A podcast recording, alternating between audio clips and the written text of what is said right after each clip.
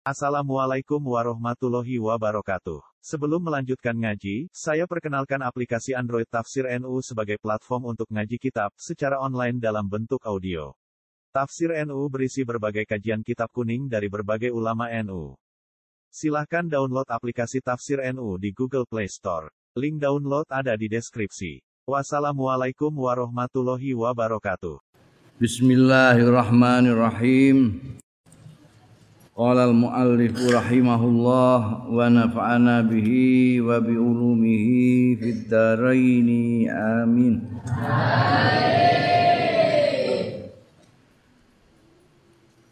Wa ammal lisanu ana dene lisan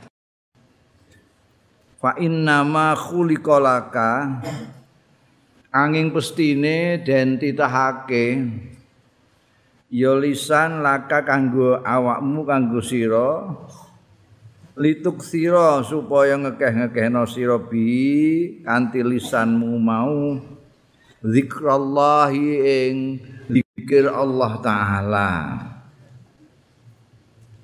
Lituk sira bi zikrallahi taala wa tilawata kitabihi. Lan maca kitabe Allah wa tursyida bihi lan kanggo marai nuduhake bi kelawan lisan mau khalqallahi taala ing makhluke Gusti Allah taala ila tariqihi marang dalane Allah taala. Wa tudhira bihi lan kanggo nglahirno sira bi kanthi lisan mau maing barang fi dhamiri kakang ana ing dalem atira min hajati dinika. Angking keperluan-keperluane agama ira wa dunya kalan donya ira. Wa idza sta'mal tahu mongko tetkalane gunakno sira ing lisan gunakno fi ghairi ma khuliqalahu ing dalem liyane barang sing dititahno ya lisan lahu kanggo mah pakot kafar tamangka temen-temen ngufuri sira nikmatallahi nikmate Gusti Allah taala fi ing dalem lisan oh kowe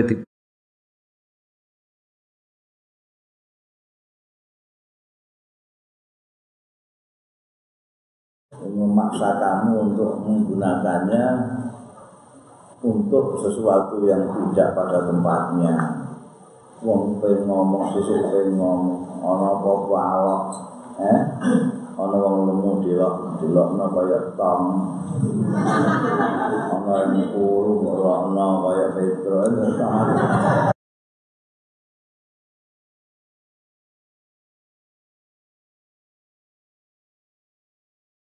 lesan itu supaya mergo itu sangat-sangat sekali. Apa mendorong kita untuk berbuat yang enggak wala kubun nas bin nari ala manakirihim. Lolan lolan jungkel sapa anasun manusa bin nari dalam neraka ala manakirihim mengatasi congol-congol nas ilah ya enak bahasa ini kira enak. Irung songren kejaba ilah haso itu alsinatihi hasil hasilnya lisan lisan nanti itu banyak sekali sana. Orang yang terjungkal di neraka itu tidak karena apa-apa karena mulutnya. Enggak bisa. Orang usah tekan rokok yang dunia ini ya malah malah petaka malah petaka yang terjadi di dunia ini. Itu mulut perang dunia pertama perang dunia kedua perang teluk perang-perang timur tengah sekarang ini gegeran di Jakarta. Itu semuanya gara-gara mulut dari meneng ngono jenenge apik. Gatel nek gatel. Berarti biar Jos Bush itu omong-omongan bahan Saddam Hussein. Omong-omongan banter-banteran ngomong terus pisau-pisauan banter-banteran pisau. Terus lanat-lanatan banter-banteran lanat terus itu perang hancur Irak senabi ngono Syria juga saling ngomong ngomong.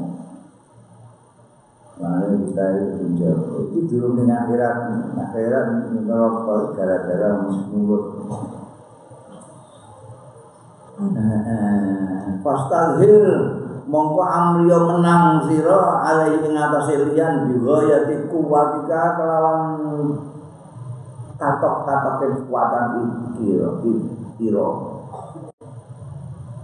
kata lain kap lain kebaka sehingga ora jungkelno ya lisanmu kaim sira fi qa'ri jahannam ing dalem telenging neraka jahannam alhamdulillah Pasta itu gue berusaha keras untuk mengalahkan lisan itu. Dia kepingin memprohi jajan tak apa Karena kalau jajan goreng, gue yang kalau ngomong cepat Mangan kok saya ngomong, itu seliwatu.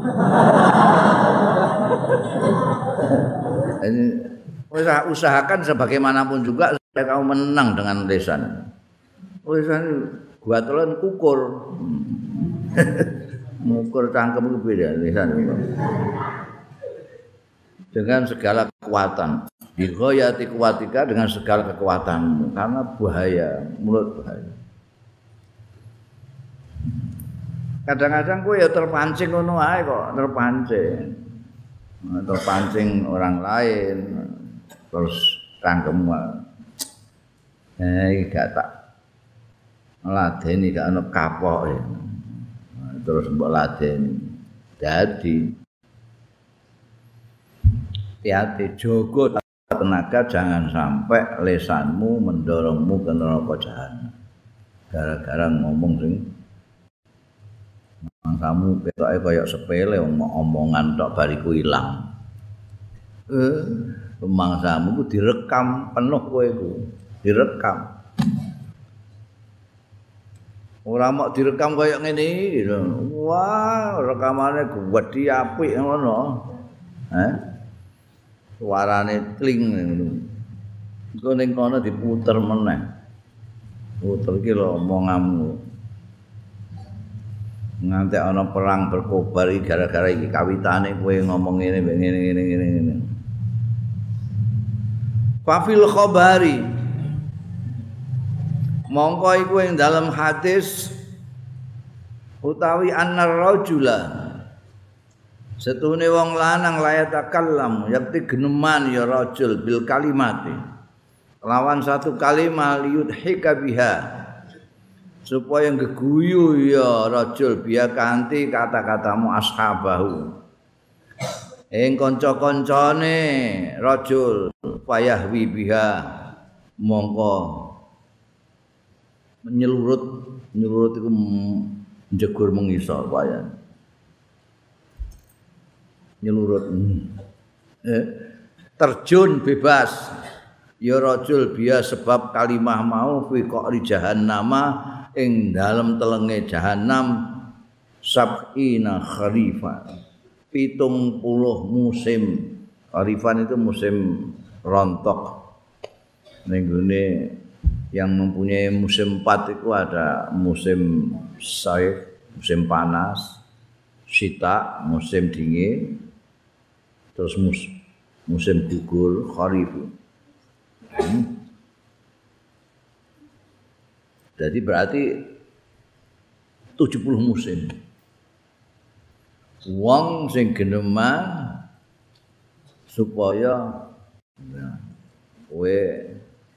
mentertawakan orang lain terus kue mengeluarkan kata-kata kawan-kawan ngguyu kabeh ngeledek wong sing mbok gawe. Delok potongane ancam mesti tok hmm. tuang keme wombone kaya togok ya nunggu kabeh. Pitung puluh musim ning gune neraka. Ngono ngono tok sak kalimat tok ngono kalimat yang membuat mentertawakan orang lain. Mbah pirang musim iku nek gawe meme iku eh mentertawakan orang sampai wong sak jagat guyu kabeh mentertawakan seseorang sing mbok gawekno meme itu. Hati-hati kowe payah wi biya fi qa'ri jahannam sab'ina kharifa Waruwiya dan riwayatake. Apa anaus tune kelakuan kutila terbunuh sapa syahidun seorang syahid dalam peperangan ana sing korban terbunuh. Fil ma'qat dalam peperangan. Ala ahdi Rasulillah ana zamane Kanjeng Rasul sallallahu alaihi wasallam Faqala mongko ana sing ngucap mongko ngucap celetuk sapa kok ilun wong sing ngucap hani lahu bil jannah. Waduh enake lahu kedue syahid iku mau bil jannati kelawan swarga. Begitu melihat ada kawannya yang terbunuh di dalam peperangan fisabilillah itu mati syahid. Wah bejone saiki wah nikmat wae. Swarga swarga. Dadaan faqala monggo dawuh sapa nabi kanjeng nabi sallallahu alaihi wasallam. Wa ma yudrika. Utawi apa iku yudrika merohake ya maing sira.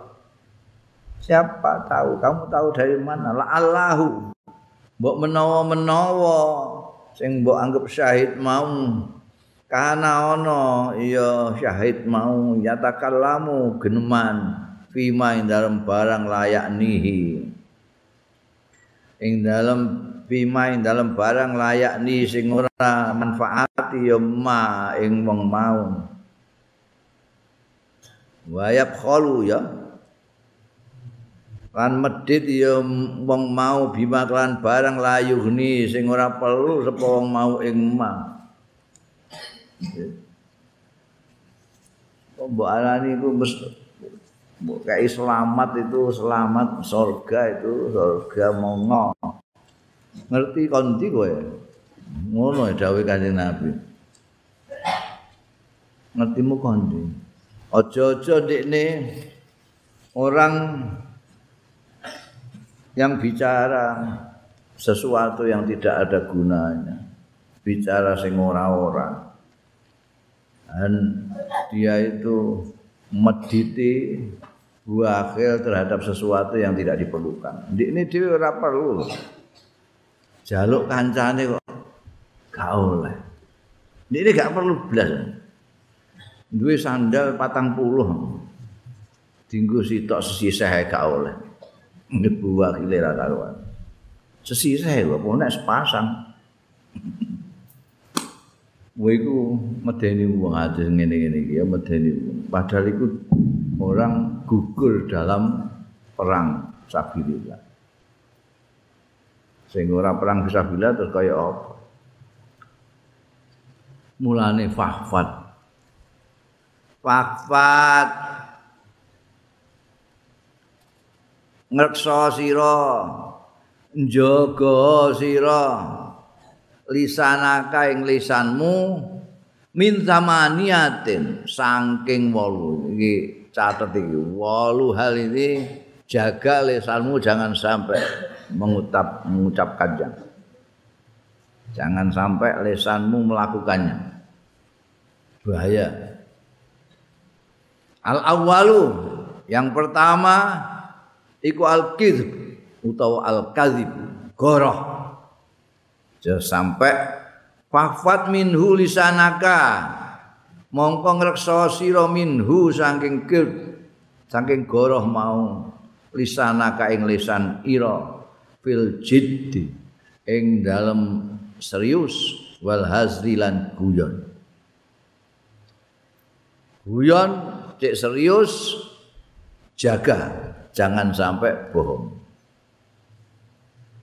Kanjeng Nabi Muhammad sallallahu alaihi wasallam itu juga bercanda tapi tidak pernah mengatakan sesuatu yang bohong, sesuatu yang tidak benar. Candaan Kanjeng Nabi canda yang elhan ada semuanya ndak ndak pakai bodon-bodon. Hmm. Serius ataupun guyon, kowe harus menjaga lisanmu jangan sampai bohong berdusta. Wala tu'awwid lisanaka alkid. Lan aja ngulinakno sira lisanaka ing lisanmu alkadziba ing goro hazlan secara guyon. Paya tada mongko merembet kidzibmu mau ilal jid. Ilal jid marang serius sungguhan. jangan membiasakan guyonmu kuwi nganggo guyon-guyon ning ngapusi. Engko ndak serius barang kowe ngapusi. Jaga jangan sampai Wal kidbu taigara iku min ummahatil kabairi termasuk induk-induknya dosa-dosa besar. Goroh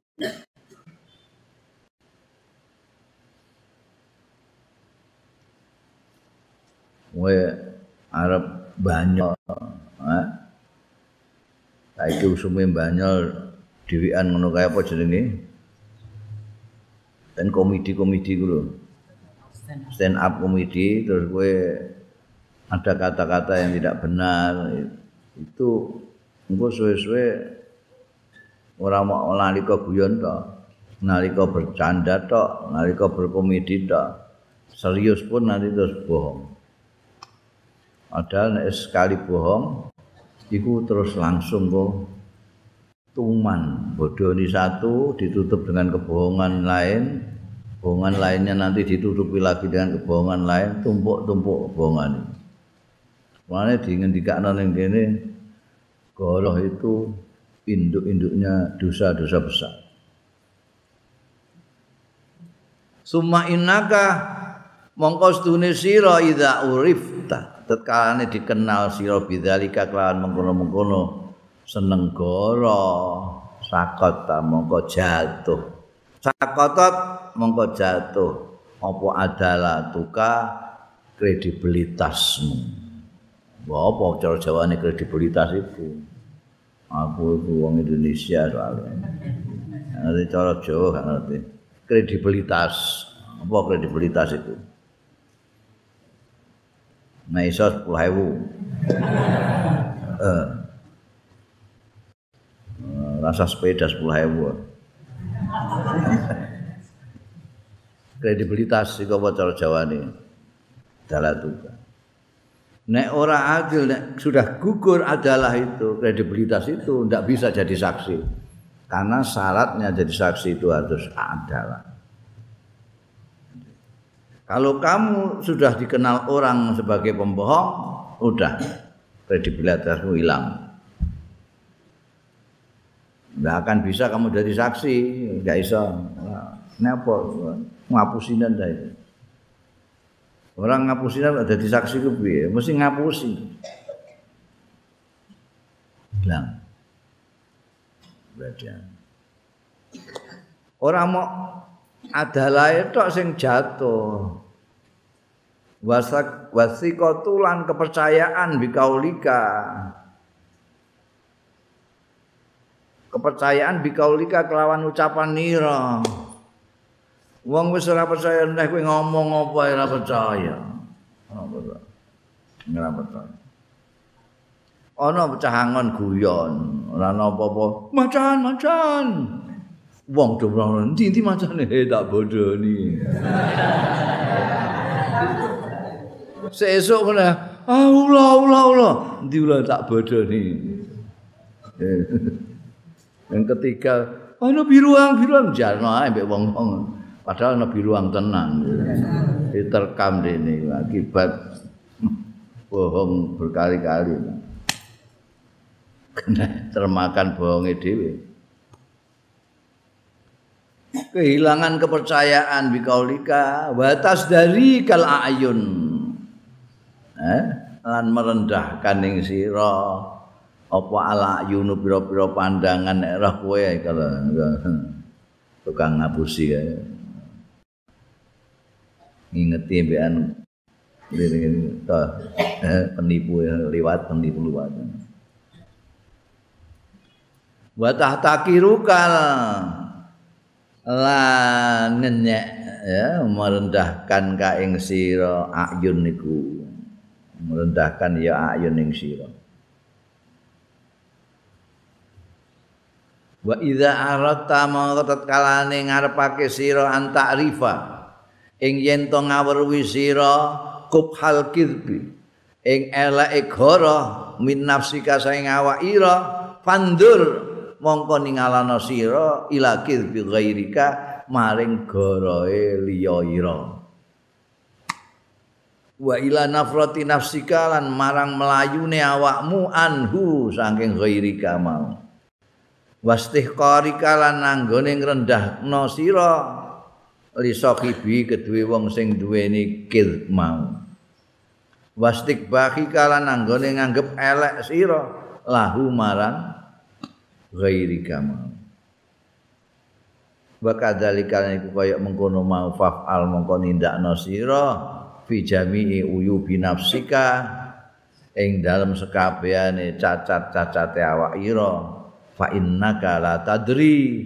Mongko stune sira iku la tadri ora weruh sira. Kubha uyubika ing elek cacat-cacat ira. Min nafsika saing awakmu dhewe. Bal min ghairika. Balik liya ira.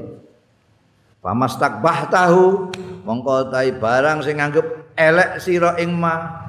Min ghairika saing liya ira. Yastakbihu mong yastakbihu mongko nganggep elek ing ma sapa ghairuka liya ira mingka sapa ira la mahalata. Ora iso ora.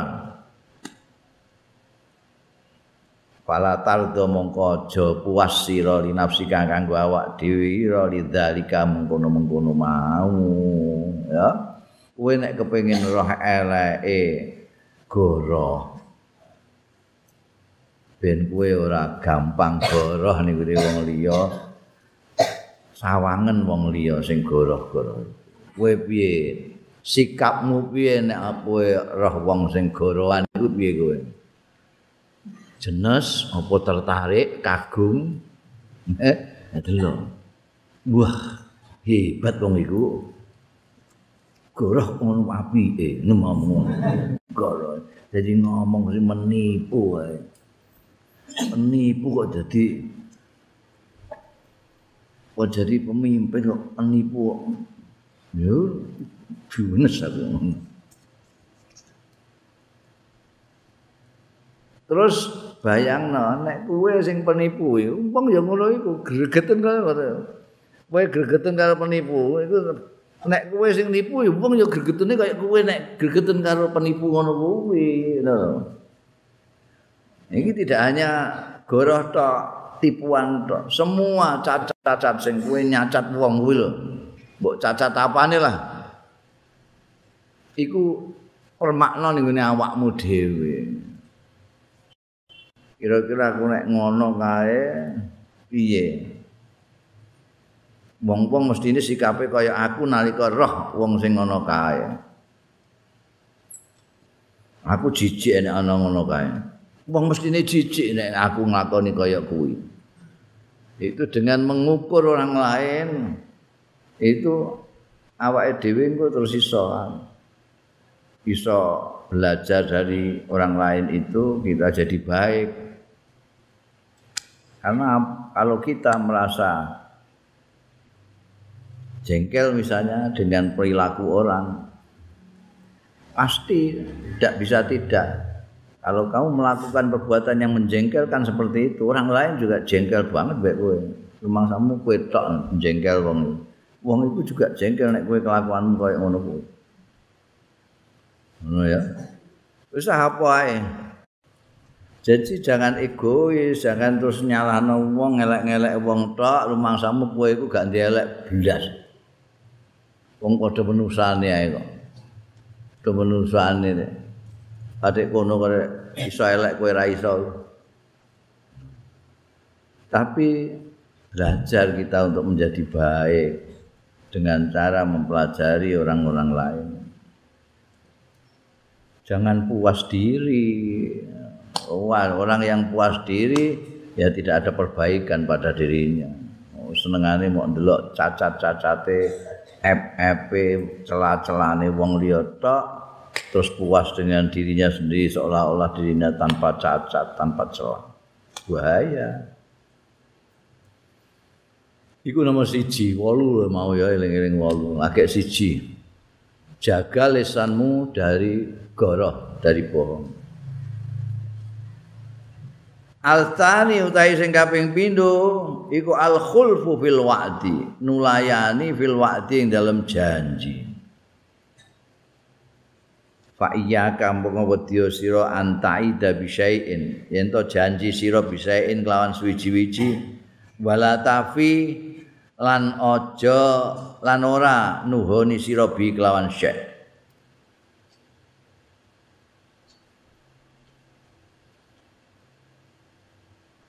bal yang bagi pra balik prayoga payakuna yen to ana apa ihsanuka kebagusan ira ilan nasi marang manusa iku fi'lan rupa tindakan bila kaulin lawan tanpa ucapan.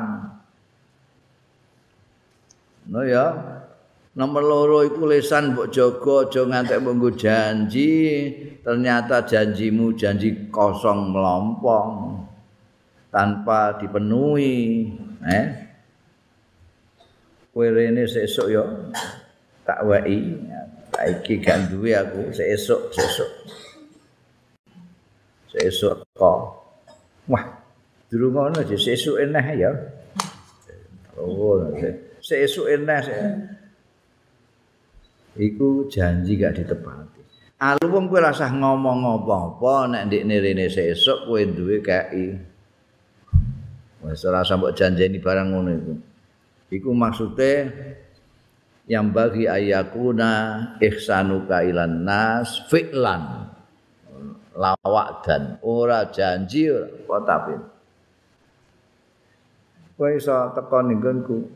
Iso iso ora esuk teko jam pira jam pira ya barisa barisa ya. Ya ya. Esuk gak teko gelakno. Wis di sembelihno pitik barang gak teko gelone ra karuan. Niku mergo janji tidak ditepati. Alu wong ngrasah kondo, ngrasah kondo jujuk kekong. Ngrasah ngomong.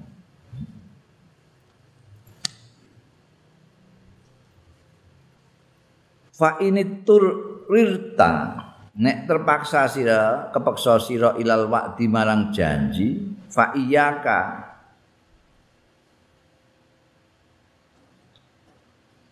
Anta halifa yang to janji sira. Ae wa iyyaka mongko wedya sira.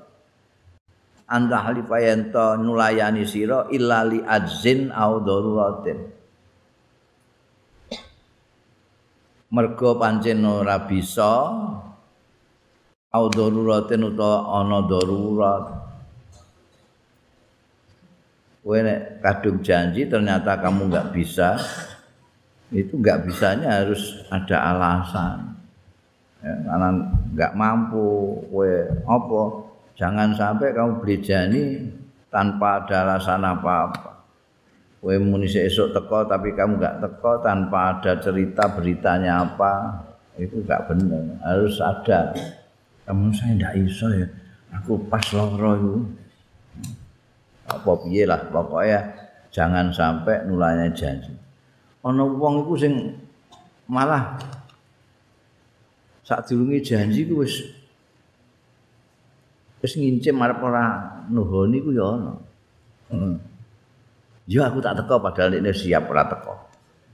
Iku ana sing ngono iku. Iku. Jadi janjeni wong tapi ben kecelik ngene. Dintenteni aku. Bodoh ni. Ono, wong kok sing kelakon janji ora kok mergo gak mampu nepati tapi memang wis diniati dari awal kono niati wis ora bakal nuhoni aku Fa inna dzalika min ammaratin nifaq. Mongko sedune mengkono-mengkono khulful wa'di nulayani janji iku min ammaratil nifaqi termasuk tondo-tondone kemunafikan. Wa khaba'ithil akhlaki lan termasuk elek-eleke pekerti Qala Nabi dawuh sapa Kanjeng Nabi sallallahu alaihi wasallam. Salasat salasun ana telung perkara. Manutai sapaning wong kunna kang ana ya salas fihi ing dalem eman wa insoma senajan poso ndekne mantu iku apa man idza hadatsa kadzaba wong sing nek ngomong ya man kadzaba goroh ya man. Wa idza wa'ada tatkalane janji ya man akhlafa nulayani ya man. Wa idza tumina tatkalane dipercaya dikai amanah khana khianat ya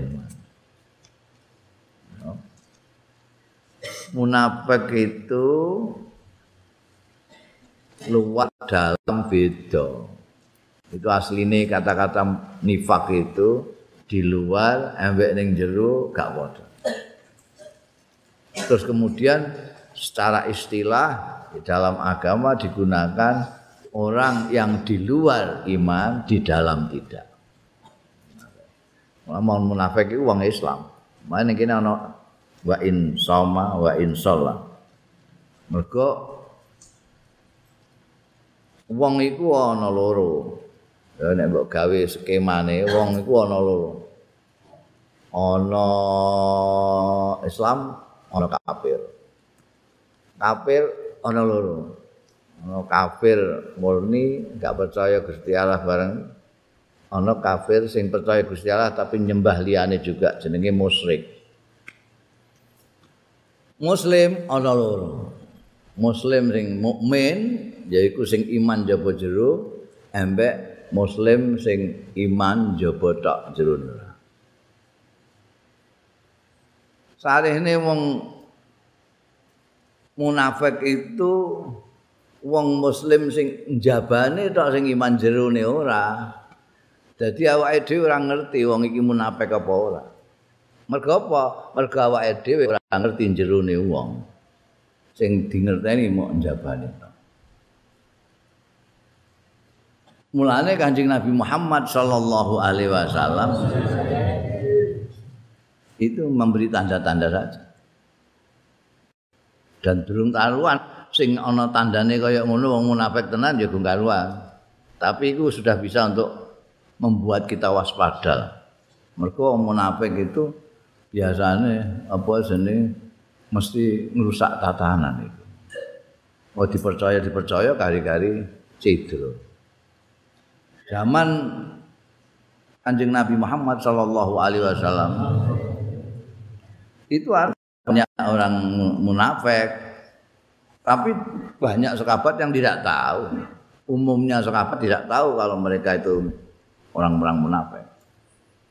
Hanya satu sahabat yang disebut sahabat sirrul Rasul sallallahu alaihi wasallam. Abu Hudzafah Al-Yamani itu yang dibisikkan di Nabi. Oh, kau munafik. Abdullah bin Ubay bin Salul itu raja ini munafik. Ya ini enggak diberitahu. Mulane sekabat Umar bin Khattab nek arep nyembayangi mayit nyembayangi jenazah didelok sik Abu Dzafar Yamani ana ta ora. Nek ra ono wis akeh munafik iki. Aku, aku melok gak nyembayang mergo gak ono biyen iku wong roh ana wong mati gak melok nyembayang gak iki ngantek gak nyembayangi berarti ini dudu Islam jebon jero. Saiki ra iso kowe ngarani wong munafik. Dadi ana wong itu gegeden rumangsa nek iso ngarani iki munafik iki munafik iso. Sing ngerti mok Kanjeng Rasul sallallahu alaihi wasallam iku wae karena Kanjeng Rasul diberitahu sana itu orang munafik. Gak diberitahu ya gak ngerti. Wong urusane mbek jero kok, mbek jero.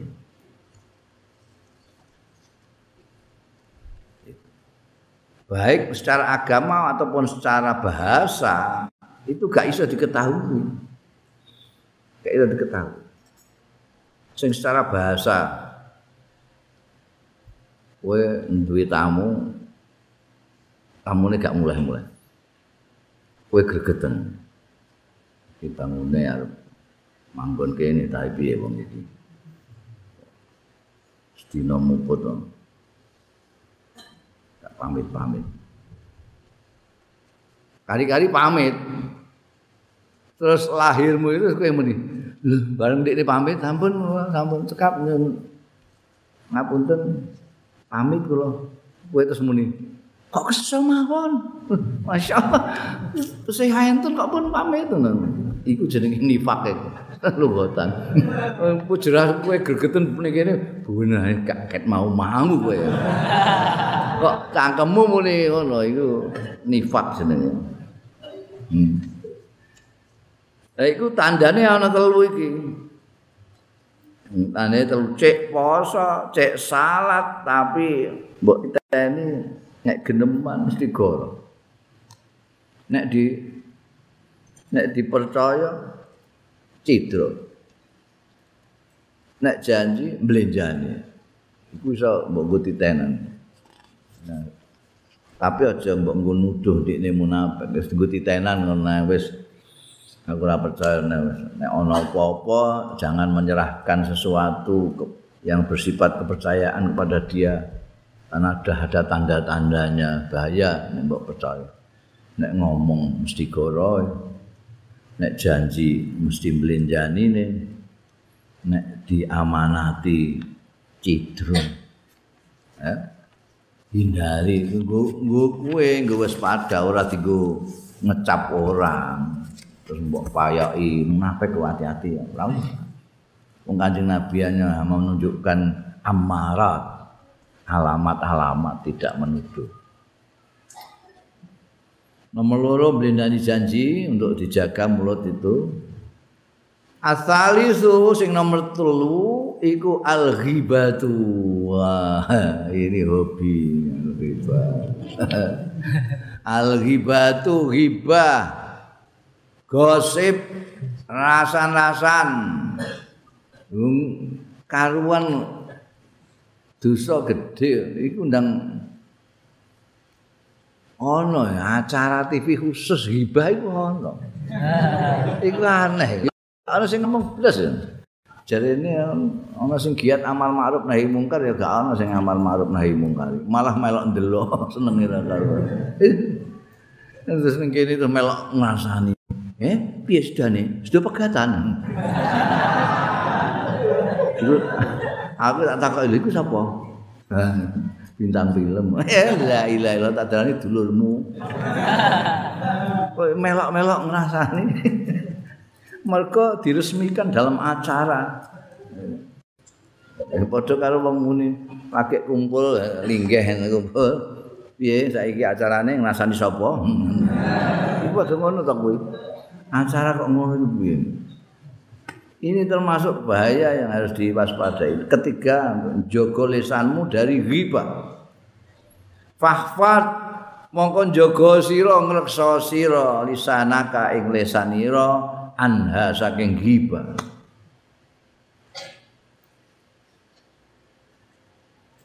Masya Allah Wal ghibatu tai ghibah Iku asad dulu Asad min salasina zaniya. Ngono ya Allah. Timbangane telung puluh zina.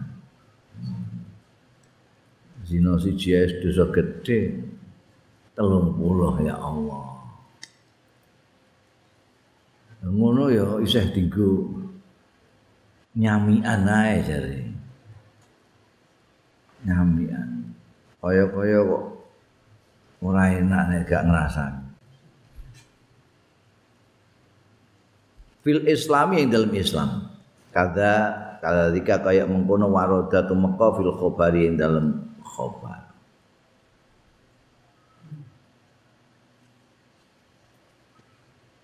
Wa makna riba iki lho. Catat maknane riba iku apa? Kaya kowe iso menghindarinya jangan sampai melakukannya. Maknane ghibah iku antar kuro insanan. Yen to nutur sira insanan ing wong suwiji bima yakrahuhu kelawan barang sing ora seneng ya insan mau ing malau samiahu lamun krungu ya insan mau hu ing ma Fa anta mongko utahe sira sing nutur sesuatu yang tidak disukai orang itu. Iku muhtabun sing tukang gosip sing pengerasan zalimun sing zalim. Wa ing kunta lan senajan ana sira ana iku sadikon bener. Sing mbok tuturno iku bener lah iku wong sing mbok rasani ku pancen bajingan tenan kurang percaya nih. Tapi nek kowe muni Fulan iku buan bajingan tenan. Kira-kira Fulan nek krungu kowe ngomong ngene iki seneng ta ora? Apa terus ngelem kowe? Oh, hebat kowe nyebut aku bajingan ya. Masyaallah. Matur nuwun, matur nuwun. Ngono. Apa gregeten kira-kira? Menutur orang yang kalau orang itu mendengar dia akan marah. Lah saiki ku terang-terangan kok. Terang-terangan ning gone Facebook ning WA iku terang-terangan. Rasan-rasan ngrasani wong. Kira-kira padahal wong ya maca ora kok kira-kira. kira-kira nek roh piye? Ora kira-kira ya mesti wonge roh. Wong beredar ning Facebook kok. Kowe ngrasani ngono kan hibah rasan-rasan model baru. Jenenge hibah online. Jadi saya ini hibah online. La ilaha illallah. Jadi chatting iki ambek rasani wong. Ya Allah. Getunu ya linggih bareng gak ngerti sing kiwa sing tengen gak ngerti kuwi lagi lha apa jebule lagi ghibah online kuwi wong telu iku ngene kabeh bapake mboke anake putune ngene kabeh Terus do mangan ta ora bapake muni ngono. Nggih, nggih. Nggih sedilok ngas, sedilok. Tuk gibah den rampung. Iki lah apa jajal sedeng ngene iki? kumpul bareng ora omong-omongan. Itu kita menjauhkan orang dari apa familiar. Dulu terus gak omong mbek kancane ini asik masing-masing asik-asik sendiri. Asik nek sing apik ngono ya mesti akeh-akeh ya iku mau hibah online. Hmm. Wa iyyaka wa ghaibatul qurra al murain. Wedya sira. Awas aja ngantek bagi batu qurra. Ngrasani roh iku saiki ya kiai lah ngono ae qurra iku. Istilahe wong. Hmm. Al muraina sing murain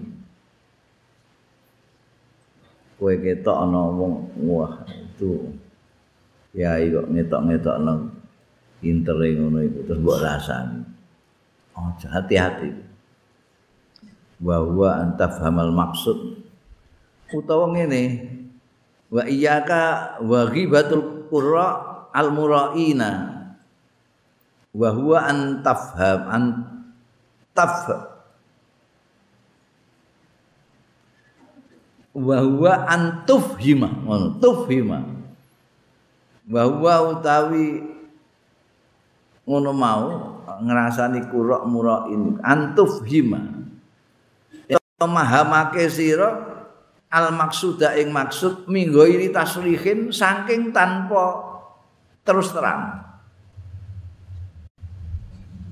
jadi kamu memahamkan maksudnya ngerasani wong itu tapi tidak terang-terangan.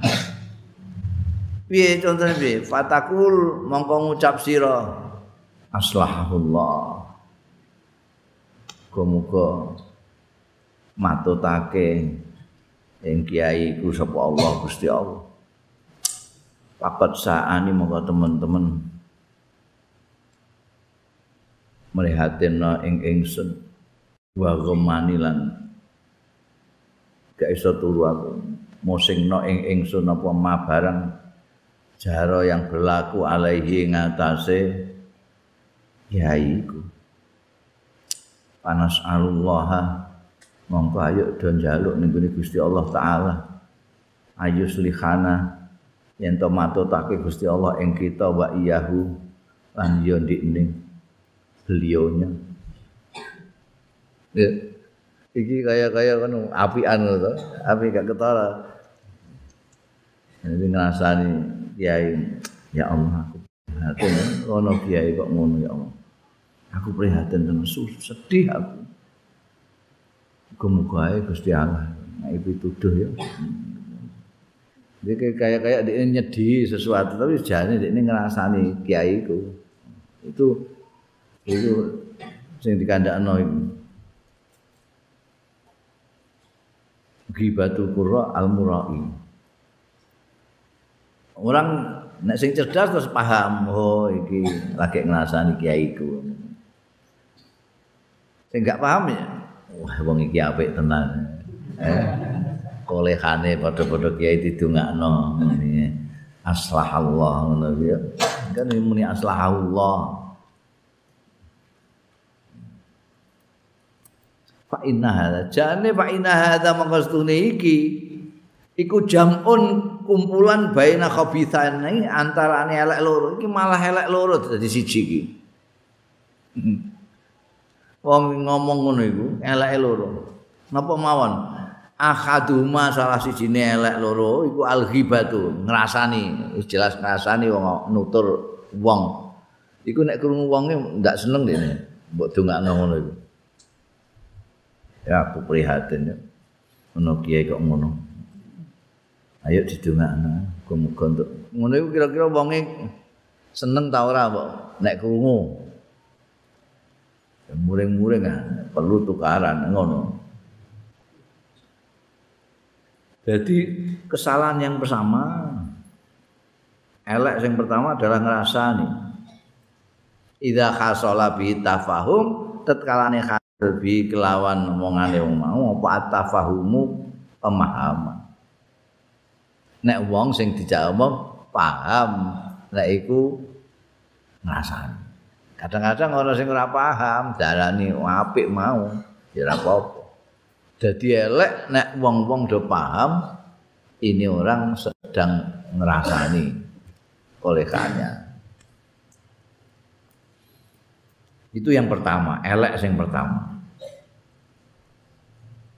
Wal akharu utawi sing liyane elek sing liyane iku tazkiyatun nafsi. Ini sing gak disadari orang kadang-kadang. iku tazkiyatun nafsi bagusake awak dhewe wasana wasana ulan ngalembono alaiha ing atase nafs bitaharruji kelawan ketok sungkan wasolahilan bagus ya. Dosane ngerasani siji kedua dia dengan mengucapkan begitu itu berarti dia ngapik no awake dhewe. Ngapik no awake dhewe. Wah wong ngapik tenan cah. Mesti ya ngono wong itu karena muni merihatin no kancane ya merihatin no kiai. Oh wong merihatin no kiai ngono yo ndongak no barang jadi dia itu otomatis dengan berkata begitu itu ngumpul awake dhewe ngelem-ngelem awake dhewe. Ngelem awake dhewe. Mana kiai kok ngono ya? Sedih aku. Ayo ditungakno yuk. Buat kait kan kaya kaya di ini orang ngono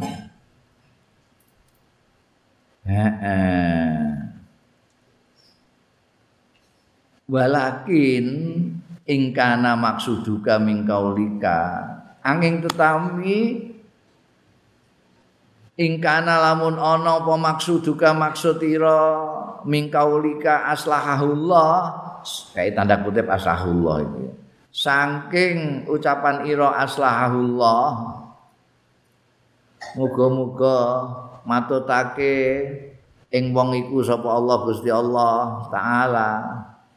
Nek kowe maksudake omonganmu kuwi addu'a donga ya fatu mongko ndonga sira lahu kanggo wong sing mbok rasani mau fisirri.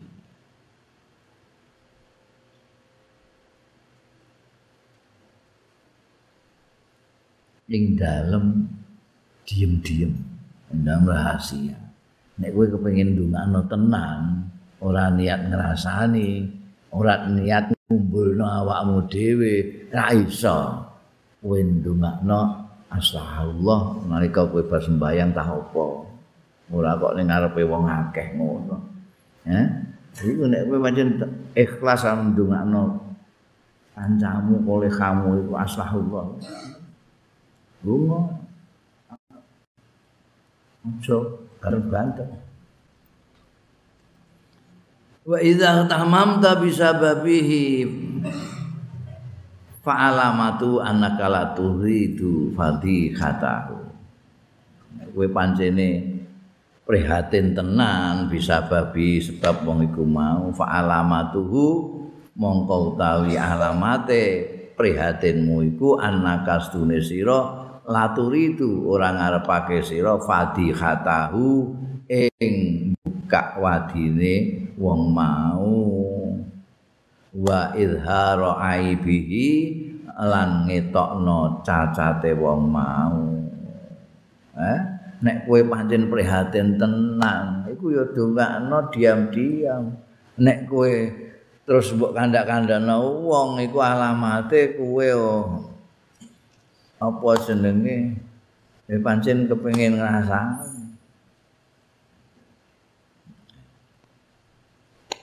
wa fi izharikal gham lan ing dalem anggonmu ngetokake al gham ing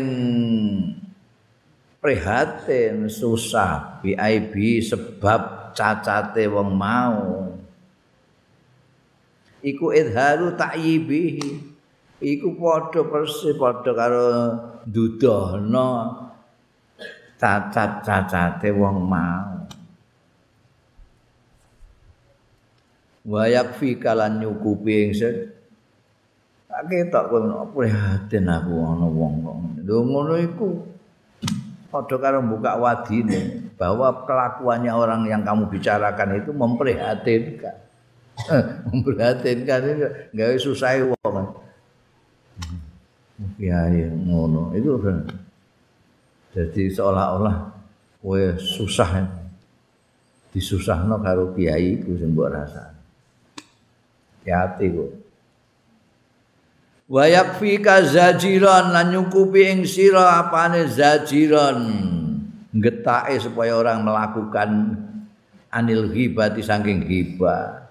Cukup untuk membuat kamu tidak melakukan ghibah.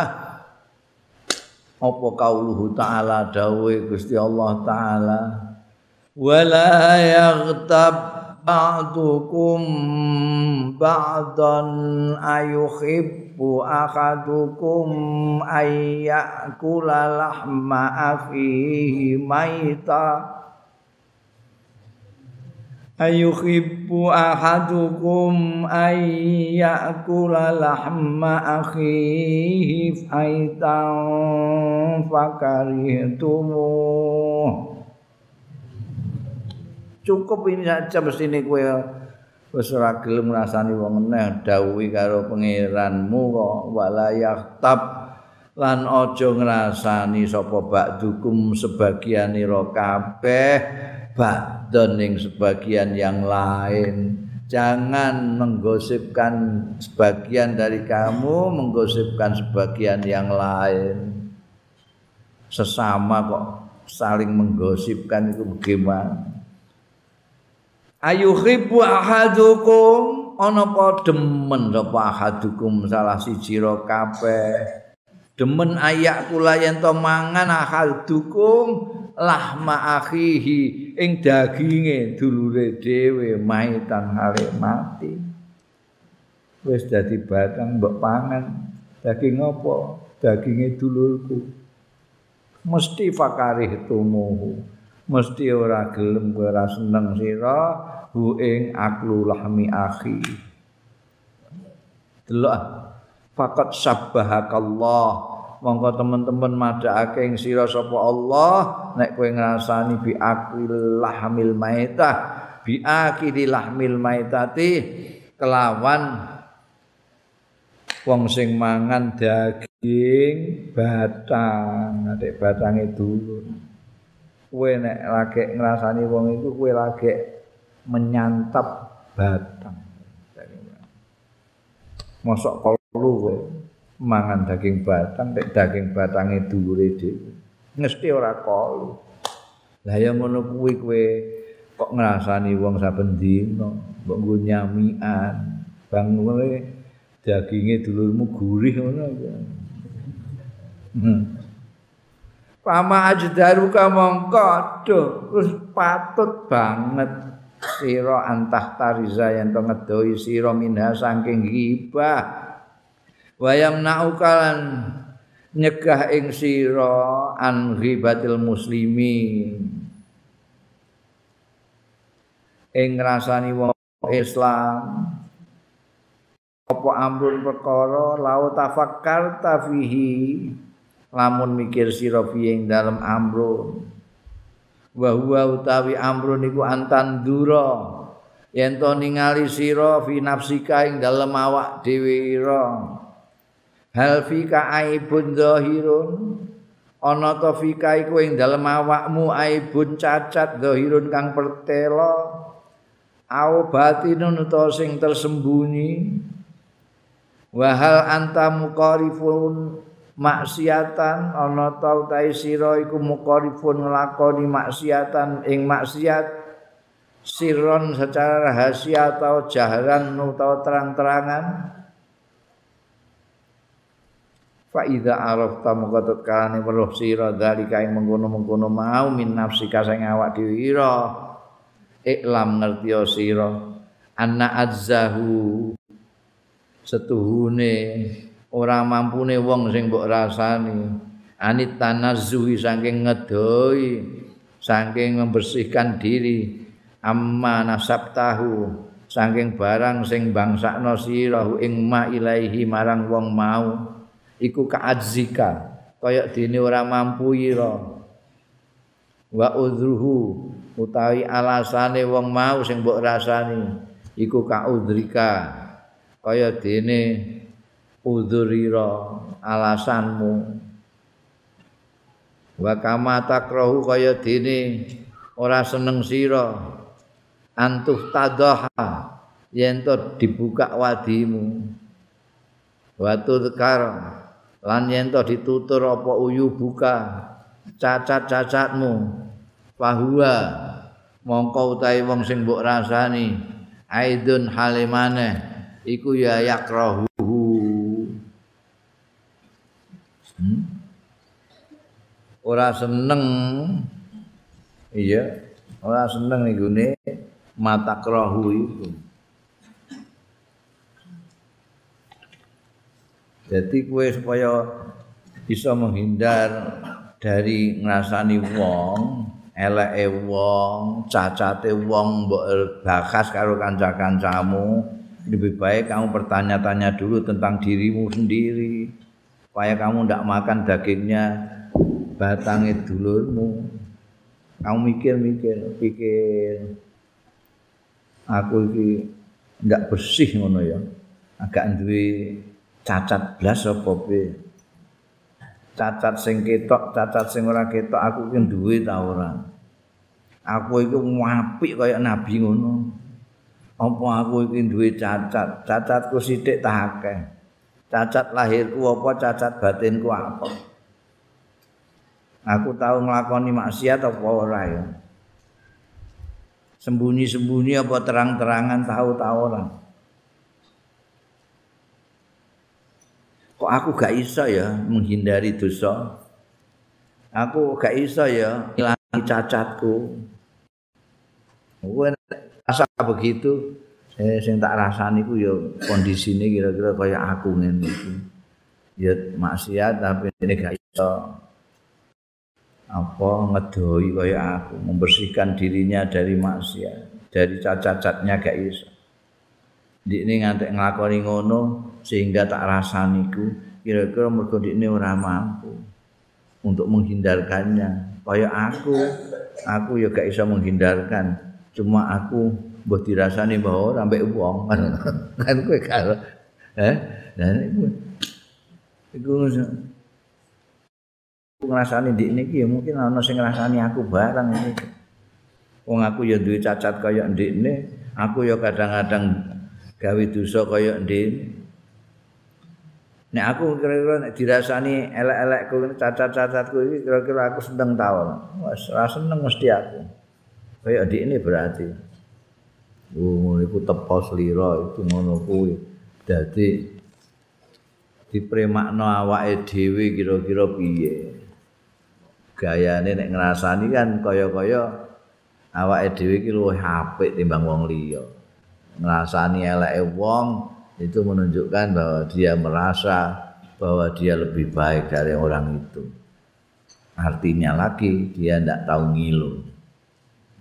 Ngilu ben aku iki aja-aja luwih elek timbang sing tak rasa. Sing apik piye ya ditutup ya ben awake dhewe eleke ditutupi karo kanca mulane awake dhewe nutupi cacat-cacate kanca. Ora trimo iku fa in satar tahu mongko lamun nutupi sira ing cacate kancamu nutupi sira ing wong sing mbok rasani mau. Satarallahu mongko nutupi sapa Allah alaika ing atase sira uyubaka ing cacat-cacatmu. Wa in tahu tapi nek lamun buka wadi sira ing wong mau sallallahu mongko nguasaake sapa Allah alaika ing atase sira al sinatan hidadan ing lesan-lesan sing tajam yumazikuna sing merobek-robek ya alsinah eh? Wong irdaka ing kehormatanmu fit dunya ing dalam dunya. Summa yudhihakallah mongko keri-keri buka elekmu sapa Allah Gusti Allah fil akhirat ing dalam akhirat ala ruusil khalaiki di atas pengetahuane wong-wong sak alam dunya yaumal kiamat ana ing dina kiamat.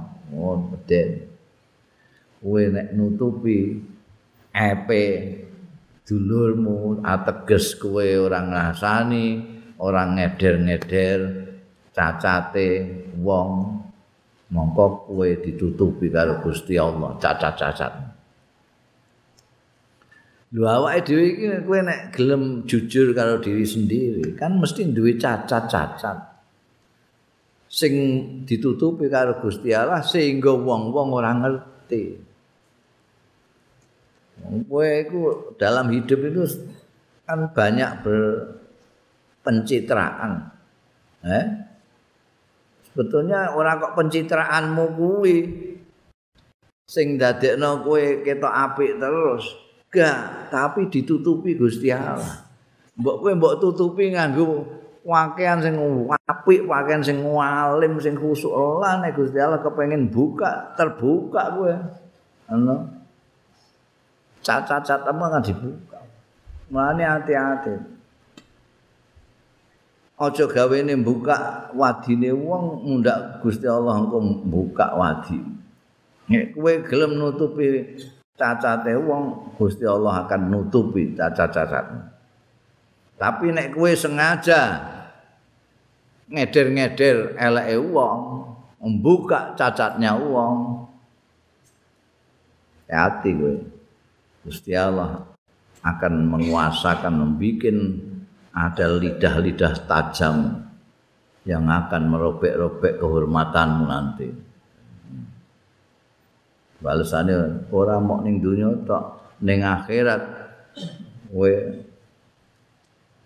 kowe tok ketokno wong sak ngalam donya ala usil khalaik lho wong ning biyen gawene ngelek-ngelek wong gawene ngrasani wong potongane ngene iki Kau wong itu semuanya mempunyai cacat. Nek kowe kepengin cacatmu terlindungi terus oleh Allah taala, ya kowe aja gawe ini buka-buka cacate wong. Nah, paling enak iwan sing ya meneng turu iku. Jadi ora nyacat sono, ora nyacat kene, selamat. Wa in nazarta ila zahirika wa batinika. lamun ningali sira ila zahirika maling lahiriahmu wa batini kalan batinira falam tutallek fiha ala ai falam falam tadla ha ora ningali sira fihi maing dalem zahirika batinika ala aibin. Ing atase cacat wa naksid lan kekurangan fidinin ing dalam agama wala dunya lan ora donya. Fa'lam mongko ngerti sira anna jahlaka setuhune bodho ira biuyu binafsika kelawan cacat-cate awakira iku akbah anwa ilhamaqah luweh elek-eleke macem-maceme ketololan ya aku gak ada salah Ande cacat belas kok kono arep membuka cacatku kurang percaya nih. Oh aku gak cacat belas. Eh? Aku kekuranganku apa jae? Cacatku apa? Eh, geblekmu itu tumpuk-tumpuk nek ngono iku. Bahwa kamu tidak tahu cacat-cacatmu, tidak tahu app-appmu itu paling buruk-buruknya ketololan. Jenis ketololan itu macam-macam. Ono jenis geblek, ana sejenis kumprung ana sing jenenge tolol oh. eh iki sing jenis sing paling tolol-tolole tolol iku ora ngerti EPD rumangsa lahir batin apik kabeh niku Wala aib lan ora ana cacat. Justru itu kamu itu cacatmu di situ itu yang paling gede. bahwa kamu melihat dirimu paling bagus tidak cacat. Belas itu adalah cacat yang paling cacat. Wala aibalan ora ana cacat. Azam ingkang luwih gedhe minal khumki tinimbangane tolol. Al khum tolol yaiku hamakah nek bodho ngene ra goblok kakake tolol itu jian. Pol itu Walau aradallahu bika khairan. Lamun ngesake sapa Allah Gusti Allah bika kelawan sira khairan yang bagus labasoka yekti ngetokno dadekno kowe ngerti nyawang ing sira biuyu binafsika kelawan cacat-cacate awak tanda-tanda nek Gusti Allah ngersakno kowe apik iku Allah nduduhno ning kowe cacat-cacatmu dhewe. Nek ngantek kowe kok ora iso goleki cacatmu blas aku apike ngene ya Allah. Tak bandingno karo kanca-kancaku iku blas ora ana cacate ya Allah. Aku fisikku ya gak cacat kelakuanku ya ora cacat apik banget aku iki iki tandane kowe pancen gak dikesakno Gusti Allah apik.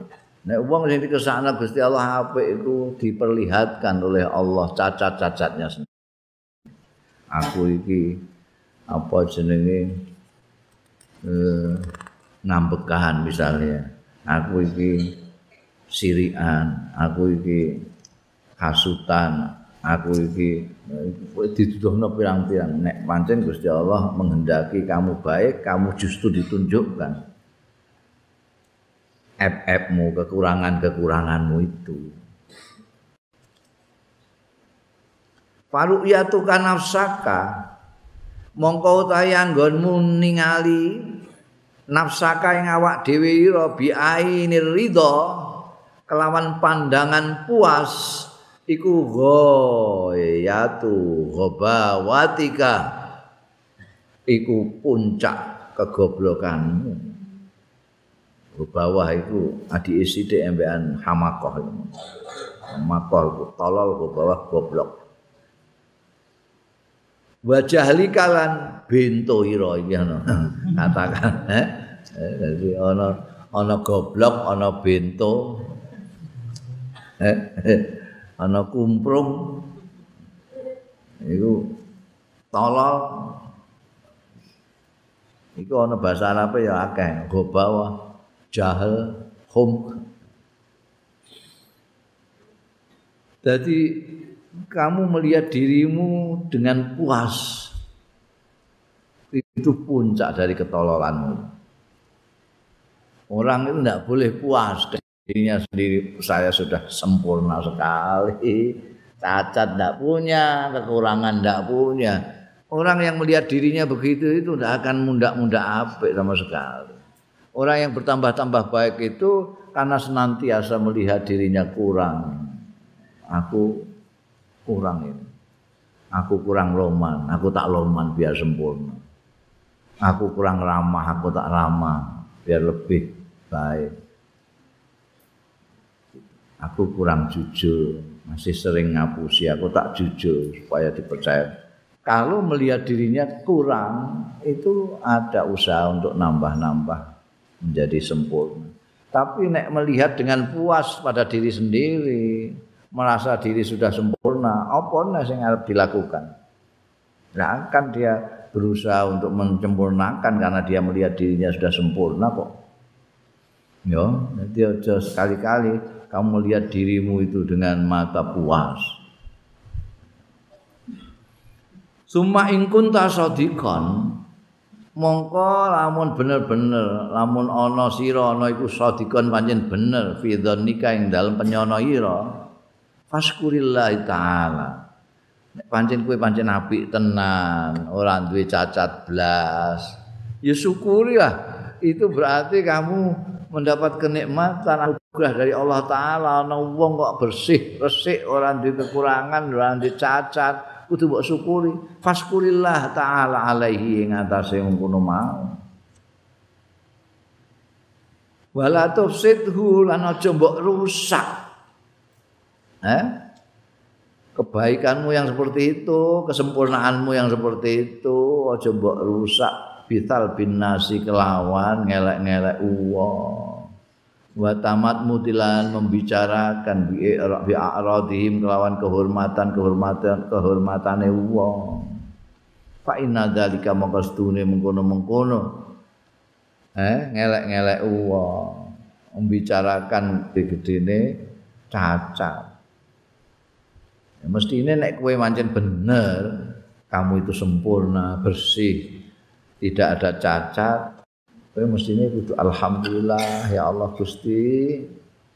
Kula panjenengan paringi kok saged menjaga diri sampai kula niki terbebas dari cacat-cacat lahir maupun batin. Alhamdulillah ngono. Ora kok terus dadekno kowe itu arogan, terus ngelek-ngelek wong yang kamu anggap lebih rendah dari kamu tinggu nyacat uang, tinggu membicarakan kehormatan orang lain, mentang-mentang kamu sempurna. Oh itu justru app yang paling besar. Ar-Rabi'u sing nomor papat. Wolu sing kudu mbok jaga dari lisan delapan. Mau wis apa? Goroh.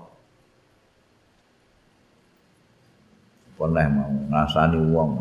Saiki yang keempat al-mira wal jidal. Bantah-bantahan dan debat, dan bantahan. Bedanya apa mira mbek jidal itu? Bantah-bantahan ambekan apa mau? Ambekan debat itu apa bedanya apa?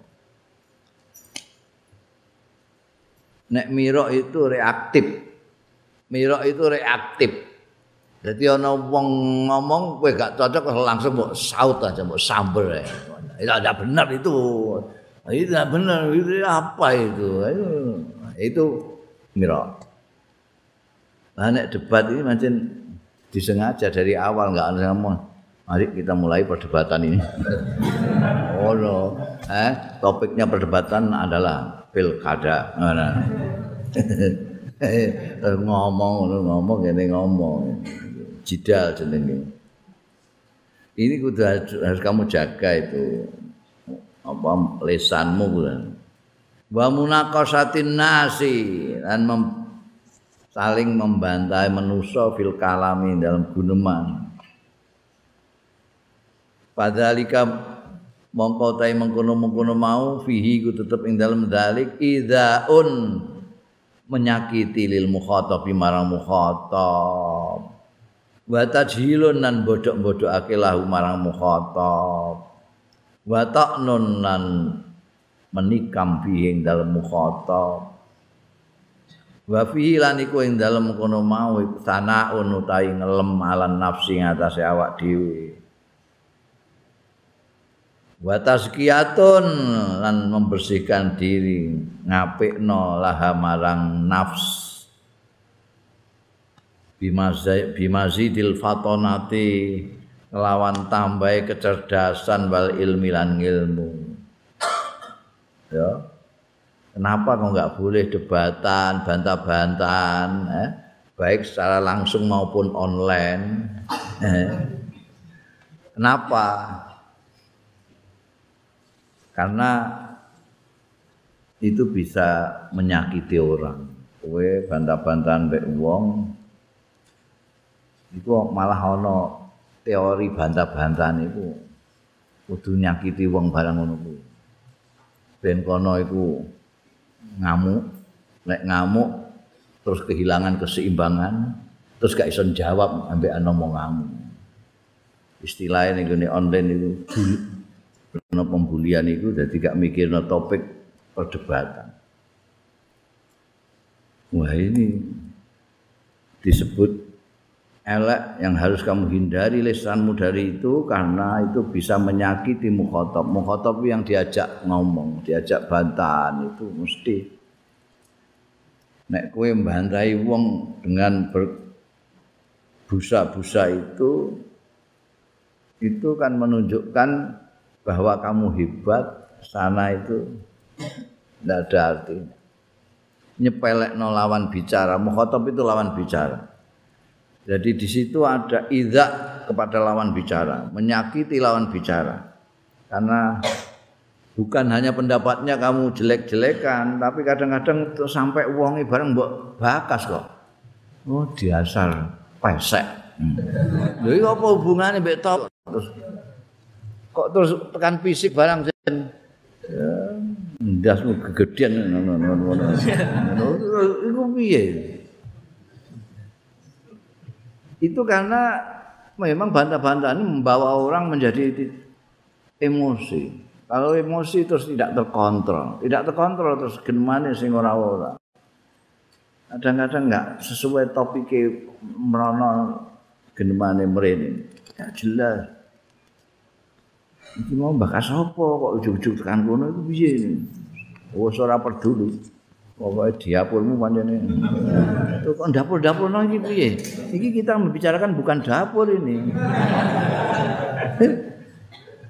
Karena itu menyakiti orang lawan bicara dan membodohkan lawan bicara. Kadang-kadang orang kok membodohkan dalam pengertian maknawi, tapi kadang-kadang jelas-jelas membodohkan. Oh, kamu itu bodoh ya, itu tajil itu, bodoh. Gak mikir, mikir loh. Dia semua tajil dan mengecam fihi Bantah-bantahan itu gak puas nek ambekan ora ambek moyoki barang ngono kuwi ya. Nyam kowe iku tamatan ibtida'i. Eh kowe sekolah neng kok nek wis tamat aliyah ae mara rene ku ya. Tahu ngono iku mlete zaman nomku iku. Nengane bantah-bantahan. Lah ngono apa ngotok-ngotok ngejak bantahan. Perkara kilafiyah iku greget tenan. Perkara bangsane kunut, talqin barang ngono iku lho. Teko-teko terus mletene ra karo. Gimana kalau sekali-kali kita tukar pikiran lah mengenai hal-hal yang menyangkut percayaan masyarakat ini yang kita mempunyai kewajiban untuk meluruskan baik akidah maupun amaliyah dari masyarakat. Oke. Maksud sampean gimana? Lah ini kita bicara sekarang kan tentang misalnya talqin itu benar atau tidak. Mengenai tahlilah, kunut, muludan. Laku jenom itu ya, jeh melete ya. takoki lah juri kita siapa juri kita siapa hakim kita dalam perdebatan ini siapa loh kita orang Islam ya Quran dan Sunnah Rasul Sallallahu Alaihi Wasallam pedoman kita kan Quran dan Sunnah Rasul terus aku muni tapi ya akhi tafadhal takalam pengaplung Loh, Gus, kok ngomong cara Arab? Hmm. Loh, sampai kira Quran dan Sunnah itu cara Jawa. lah kalau sampean nggak bisa cara Arab, terus mengatakan harus mengangkat juri Quran dan hadis, siapa yang percaya? Sampai belajar bahasa Arab dulu, nanti sini lagi. Mulai itu. Iku zaman nom-nom aku. Saiki ya suara debat ya ngaku ngakalah pun pun bener sampean mulai saya. Nek ana ngajak debat ya pun saya. Kowe kan ngejak debat kan kepengin menang toh ya wis lah menang kupek.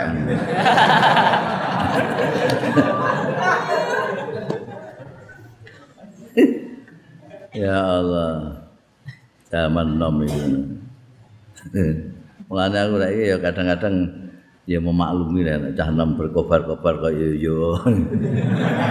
nyalahno kono nyalahno kene wong tua barang salah-salahno. Ya aku ya aku wis tau nom. nom iku gawane mletene iku. Eh eh Janji kue bantah-bantahan iku mesti rumangsa bahwa kamu lebih cerdas, kamu lebih berilmu. Summa huwa musyawwisun lil ai. Summa huwa mongko utahe mengkon bantahan mau ngono mau iku yuwa musyawwisun iku memperkeruh lil ai marang kehidupan. Eh? Oh, urip pisan mbok bantah-bantahan iku lha apa? wong mbok nggo nyoto ae enak nggo ngobrol sing enak mbok bantah-bantahan mari memperkeruh merusak suasana persahabatan. Mbek kanca wis apik-apik dadak bantah-bantahan terus paneng karo pisan terus muring-muringan terus pungkur kehidupan. Fa innaka la tumari safihan illa wa yu'dzika. Ya. Saya pikir ah kowe. Fa innaka moko sedune sira iku latu mari safihan ora bantahan karo wong sing bodho ila wayu dzika kejaba mesti nglarakno ya safih ka ing sira. Eh? Kowe bantah-bantahne wong bodho. Lara kabeh kowe. Wong dene terus ora ora ngerti sing dibakas kok terus dibakas terus kowe. Dibakas. Mungkin diomongi lho pendapatmu kok begini bagaimana? Oh ora pokoknya ndasmu goblok Mulane ora usah bantah-bantahan mbek wong bodho, lara kabeh kowe. Iyo. Fa innaka la tumari safian illa wa yu'dzika. Mesti lara kabeh. Wala tuma nek ngono wong sing apian ae. Wala tumari lan ora bantai sira haliman ing wong sing lapang dada. Illa wa yuklika wa yaqitu alaika. Hmm. Kejaba mangkelno apa halim ka ing sira. Mergo kowe kalah pinter. Nek musa wong bodho kowe dilarakno ati mergo ini ngawur, nek bantahan ngawur. Nek MBN wong pinter kowe sing lara atimu, gak iso ngatasi rale. eh bantah dibantah terus kalah terus ngamuk kowe malah. Waya gitu alaika lan terus drengki karo kowe nek kowe sing menang. Fakat kala sallallahu alaihi wasallam. Mongko teman-teman wis dawuh sapa Kanjeng Rasul sallallahu alaihi wasallam. Mantaro kalmira wa huwa mubtil. Sapane wong tinggal sapa? Sing ninggal ya man almira aing bantan. Wa huwa kale utawi man iku mubtilun isa. Benerno isa batal kowe bantah-bantahan sehingga orang yang kamu bantah bisa taslim bahwa dia keliru, kamu benar. Tapi kamu tidak mau. Taruh kamu kok. Mantaro kalmiro wa huwa mubtil. Allah mongko bangun ke sapa Allah Gusti Allah lahu marang man baitan ing omah fi robatil jannah ana e kawasan swarga. Wa man tarokek wa man tarok sapaning wong sing tinggal ya man almira aing bantahan wa wa khale utahe man iku muhikun bener iku mau muktil salah ya panane wong sing tinggal bantahan dia itu ya ndak bener salah dibangun jadi dijak bantah-bantah moh wis aku wis ya wis aku salah wis iku dibangun no. Omahku ning swarga. Lah nek ana mong tinggal bantahan bahwa muhikun padahal dekne iku bener. Dekne bener sing ngejak bantahan keliru tapi dekne moh wis ora wis aku gak ndek wektu bantah-bantah gak. Ban Allah mongko bangunake sapa Allah Gusti Allah lahu kanggo man baitan ing omah fi a'lal jannah ing dalam ketinggian surga. Nek mau ning robadal jannah ngono ae saiki ning a'lal jannah. Kowe bener tapi gemoh dijak bantah-bantah iku kowe gawe omah ning dhuwur.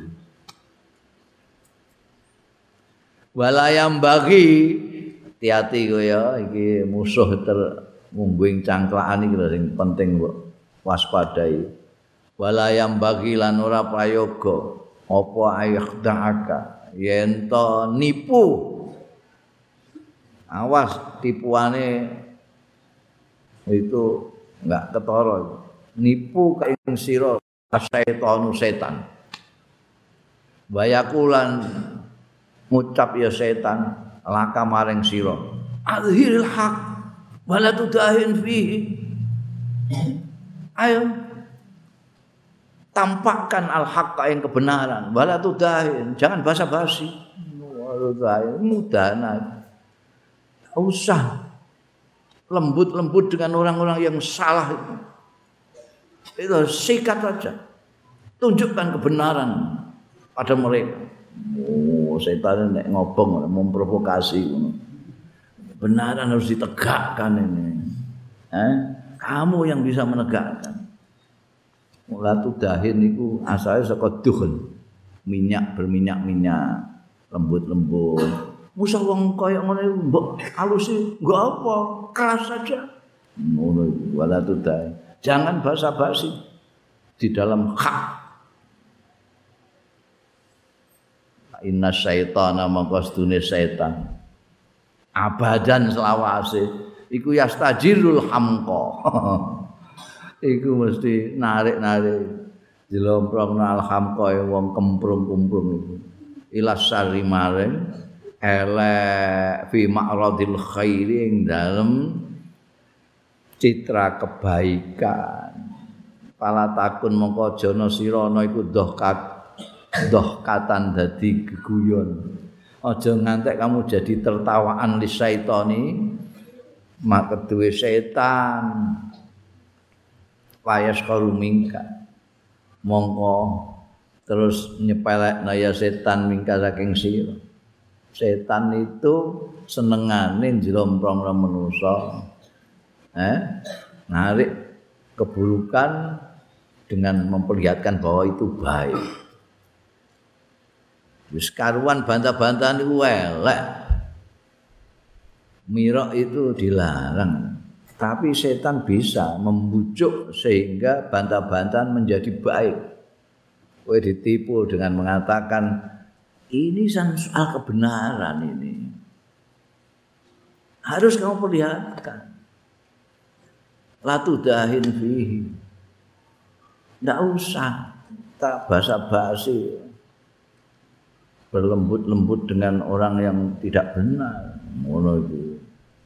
Kan menarik itu. Oh, terus kowe terus iya ya. Iki nek tak ambar-ambarno iki ndodro iki. Padahal kebenaran itu baru kebenaran sepihak, kebenaranmu dhewe. Kebenaran yang benar itu wong hanya kebenaran Allah taala. Kebenaran ini manusa itu. Hmm. Wong buktine ya akeh ngono. Kene muni benar, kono ya muni benar padahal setoke ngalor, setoke ngidul. Sing ngalor ya muni bener ngalor, sing ngidul ya muni bener ngidul. Berarti kan isih debatable. Iku ana istilah debatable iku artine kudu butuhno bantahan. nah ini gak ono bare. Wong kono muni ngalor kene muni kidul kok mbok bujak bantah-bantah ya tetap gak sampe ah. Lah apa membuang-buang energi. Membuang energi. Setan ku ya poin to ini harus nah nek kowe terus manut ya lah biar dia tahu bahwa kebenaran itu ngidul saya harus tegakkan sekarang. Lah kono yang dikandani mbek terus kamu lawan itu. Ndak usah basa-basi.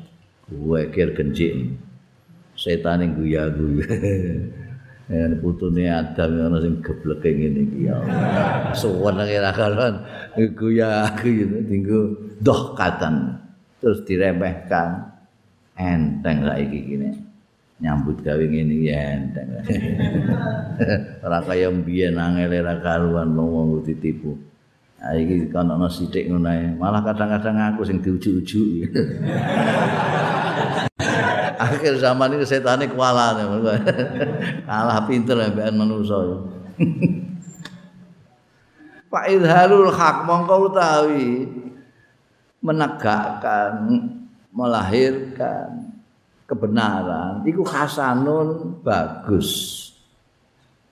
Ma'aman satane wong yak balu sing nampa ing hak minggu saking sira Wadhalika utai mengkono mau bitorikin nasihati kelawan dalan nasihat fil khafiyating dalam persepet lah bitorikil mumarati. Nek kue pancen kepengin menegakkan kebenaran, mau menunjukkan yang benar itu yang kamu pahami itu, jak omong wong sing berbeda itu pelan-pelan. Ngene lho. Dan nasihat sing bener iku rak ngene. Dawuh Gusti Allah iki rak ngene. Dawuh Kanjeng Rasul iku rak ngene to. Kowe kok muni ngene? Dhewean. Ambek ngopi ngono ojo terus debat-debatan yang akan di depan umum saja. Malah nih sosial media, roh wong kabeh terus gak jelas akhirnya ini mencari kebenaran apa ora gak jelas. Karena gengsi kabeh, kono gengsi kiri gengsi, eh, terus orang mencari kebenaran mana. Dari caranya nek pancen kue duwe keyakinan bahwa apa yang kamu miliki itu benar.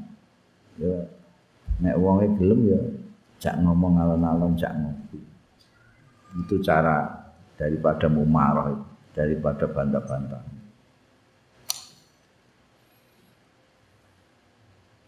Walin nasihati, nasihat nggih. Iya nasihat aja bantah-bantahan. Terus nasihat sepundi? Walin nasihati lan iku keduwe nasihat sifatun utai sifat wahai atun lan karakter. Jadi ada nasihat itu ada sifatnya, ada ciri-cirinya. Wayah tajulan butuh hake via ing dalam nasihat butuhake ila talatufin marang kelembutan. Nasihat itu kudu lembut. Nasihat kok mendelik-mendelik iku lao sing nasihati wedi. Oh nasihat tak mendelik-mendelik nasihati wedi? Kecuali sing hobine pancen pendelikan. Ora mesti wedi mulane nganggo halus talatuf lembut. Kaya Kanjeng Rasul sallallahu alaihi wasallam mencontohkan afima rahmatin minallah lintalahum. Kanjeng Rasul lembut kepada orang-orang. Itu memang sifat yang dibutuhkan oleh nasihat wa illa nek ora lembut ora halus syarat dadi apa nasihat dadi iku fadhihatan Fatihah itu bukan nasihat tapi buka wati. Buka wati. Nasihat dadi kowe meh nasihati wong supaya ora ngono ya mbok alon-alon lembut. Iku mau nek perlu mbok cak ngopi. Ini Kang. Tak perhatian awakmu itu kok. Ini aku tuh sayang mbek sampean. Gak ngerti dhewe aku sayang mbek sampean. Itu. tapi nek kelakuan ngono terus engko engko ndang gak bareng ning kono ning sing iki lho ngalus. Tapi nek ora kasar bantere ra karan geman. Goblok kowe iki kan iki sudah keliru ngene kok dadak wah iku ora dandani tapi malah rusak. Wa kana fasaduha mengko ana apa fasaduha? Nek ora lembut to nasekati ndelikan ngono iku. Mengko ana apa fasaduha rusake nasihat iku aksar luwih akeh. Min salahiyat tinimbangane patute nasihat Alu enggak nasihat nek nasihat ngono iku malah ndadekno wong mlayu Waman kholata sapaning wong sing ngumpuli bergaul mutafiqah mutafaqihatal asri. Istilah Imam Ghazali kan emeh ngenyek wong ini. Ora faqihul asri, nek faqihul asri atau fuqaha al asri itu orang-orang pinter fikih masa kini. Tapi nek mutafaqihah sing sok pinter-pinter, eh, sok pinter fikih wong zaman itu zaman kan Imam Ghazali biyen wong sing bergaul karo mutafaqih tel asih ghalaba alaihi tabul mira. Mongko nglindih ala tabihi ing atase wateke man khalata. Apa almira ubantan wal jidal lan debatan wa asura lan angel alaihi ngatasé man khalata apa asum tu meneng il alqa ilaihi jalani baake ilahi marang man khalata sapa ulama usuk. Istilah lain beliau untuk mengatakan mutafaqihatul asri. Annadzalika sedune mengkono-mengkono mirak wal jidal. Wa ya zalika iku al fadlu sing utama. Wal qudrah alal mahajjah lan kemampuan ing atase berhujjah wal munaqasati lan berdebat. Waladzi yumtadahu bihi. Ngono mau wa ya. Mazkur min mahajjah wal munaqasa. Iku alladzi yumtadahu sing dipuji apa bihi ladzi wong sing kumpul karo wong sing gaya-gaya wahli agama itu. Itu biasanya wateke terus niru-niru. Iya ya kepengen bantahan pengen depan sithik-sithik takok dalile apa? Sokeh apa ora hadise bangsa ngono-ngono kuwi gak iso meneng gak iso meneng. Mergo kumpule kumpule mbek ngono-ngono iku mutafaqihatul asri. Istilah mutafaqihatul asri alias ulama usuk ulama elek. Ulama usuk itu ulama elek. Ulama tapi gak ngamal ilmu ini bantah-bantahan terus. Kenapa orang itu menjadi tidak bisa diam berat untuk diam. Itu bantah-bantahan. Mergo sing disawang ulama itu ulama sing senengane bantah-bantahan sih ini nek gak bantah-bantahan kan oh gak padha karo ulama iku. Gak untuk keutamaan. Gak mampu berhujah itu. Wong pinter ya ulama itu sing pinter hujah ngono Pakai ngono ae melempem gak iso ngomong eh pintu berarti. Jadi sing dilem iku sing iso berhujah iso ngetokno dalil birang-birang surat Ali Imran ayat sekian dan ana sekian ngono.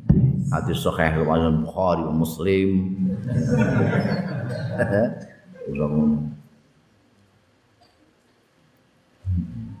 Fafir Fafir mongko melayu sira dijuju Imam Ghazali. Melayu sira minhum saking mutafaqiatul asri. Ya kiai elek itu ulama usuk itu ulama usuk itu melayu kowe. Melayu menghindar kok malah. Terus saya bu fafira minhum. Firaraka kayak melayu ira minal asad saking singa kowe nek ketemu singa melayu ning ngetitir kowe melayu ngetitir ngono kuwi nek roh ulama usuk ngono iki hmm. lama senengane buantan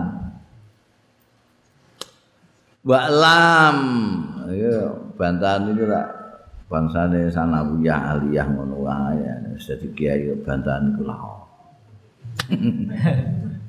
Wa'lam anal mira lan ngerti sira mira sababun limukti limuktin indallah wa indal kha ngerti sira inal mira astune bantahan iku sababun dadi sebab limuktin marang bendu indallah ya nang ngasane Gusti Allah. Maksane seneng Gusti Allah nek kowe bantah-bantahan meskipun itu tentang Gusti Allah sendiri. Gak seneng. Malah bendu Gusti Allah. Ora trimo men Gusti Allah wa indal khalqi lan mungguing manusa. Manusa iku ya sebel jane. Wong bantah-bantahan tok iku gak digawean tapi. Hmm. manusa ya gak seneng Gusti Allah bendu al khamisu utawi kudu dijaga dari lesan yang kelima al khamisu tasbihatu wallahu a'lam